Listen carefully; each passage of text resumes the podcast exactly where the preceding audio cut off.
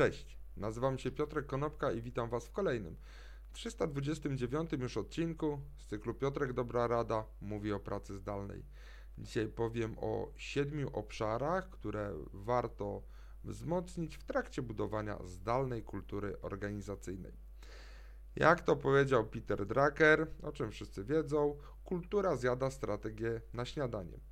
Ale w tym momencie jesteśmy po półtora rocznym okresie wdrażania pracy zdalnej, ale przez wiele lat byliśmy uczeni tego, że praca stacjonarna jest jedynym modelem pracy.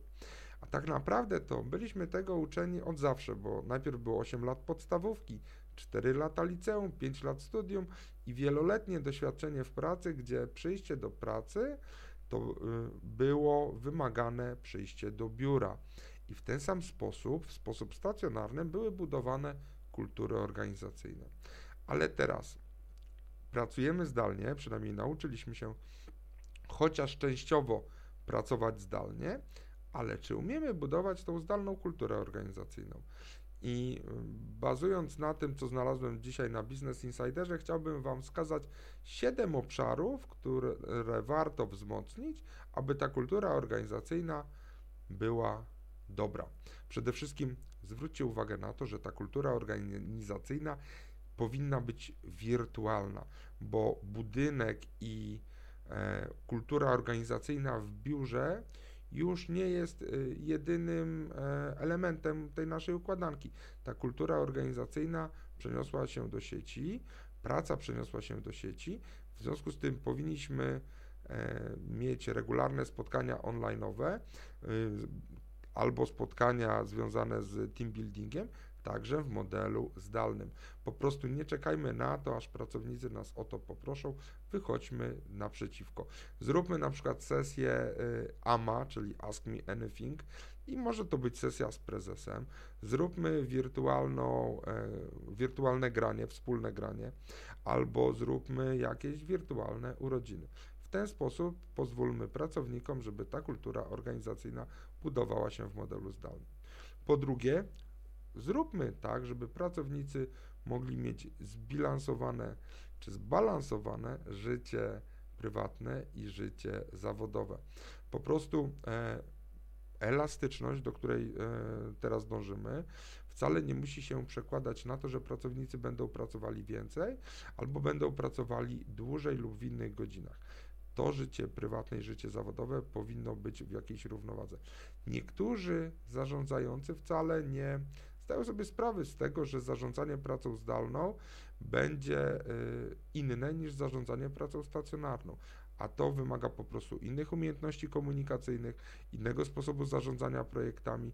Czasami trzeba redukować obciążenie niż dokładać to obciążenie, tak żeby ludzie pracowali wydajnie. Po trzecie, zwróćcie uwagę na to, czy pracownicy pracują na prywatnych urządzeniach. Jest taki trend ogólnoświatowy Bring Your Own Device, e, który jest związany z tym, że pracownicy mogą pracować na swoim prywatnym sprzęcie, który jest używany przez nich codziennie, co pozwala im lepiej, łatwiej pracować. Ale to powoduje, że mając dostęp na jednym urządzeniu, na przykład na smartfonie, do spraw prywatnych i zawodowych, pracownicy mogą być wciągani w, prac, w pracę w dłuższym e, horyzoncie. Po prostu ludziom łatwiej mieć dostęp do tej pracy i to powoduje, że oni pracują w nadgodzinach. I zwróćmy uwagę na to, żeby w tych nadgodzinach nie pracowali. Po czwarte, nagradzajmy pracowników za to, że wykonują zadania, niż że pracują więcej godzin. E, czyli te sławne dupo godziny powinny pójść w odstawkę. Pracuj mądrzej, a nie więcej też powinno być nagradzane, ale to musi być przyzwolenie zarówno po stronie pracowników, jak i managementu, a po stronie managementu to musi być pilnowane i egzekwowane. Jako piąty element to przenieście się w stronę nowoczesnych platform e, związanych z ze współpracą czy z pracą zdalną. Dawniej było tak, że wszyscy korzystali z Facebooka, czy z Twittera, czy z innych narzędzi pozwalających na komunikację. Dzisiaj mamy Zoomy, Teamsy, narzędzia chmurowe pozwalające na, pozwalające na współpracę, takie jak P2, które zostało przygotowane przez firmę WordPress. Powinniśmy korzystać z tych dobrodziejstw, które pojawiły się w ostatnim czasie, a nie zamykać się w starożytnych silosach.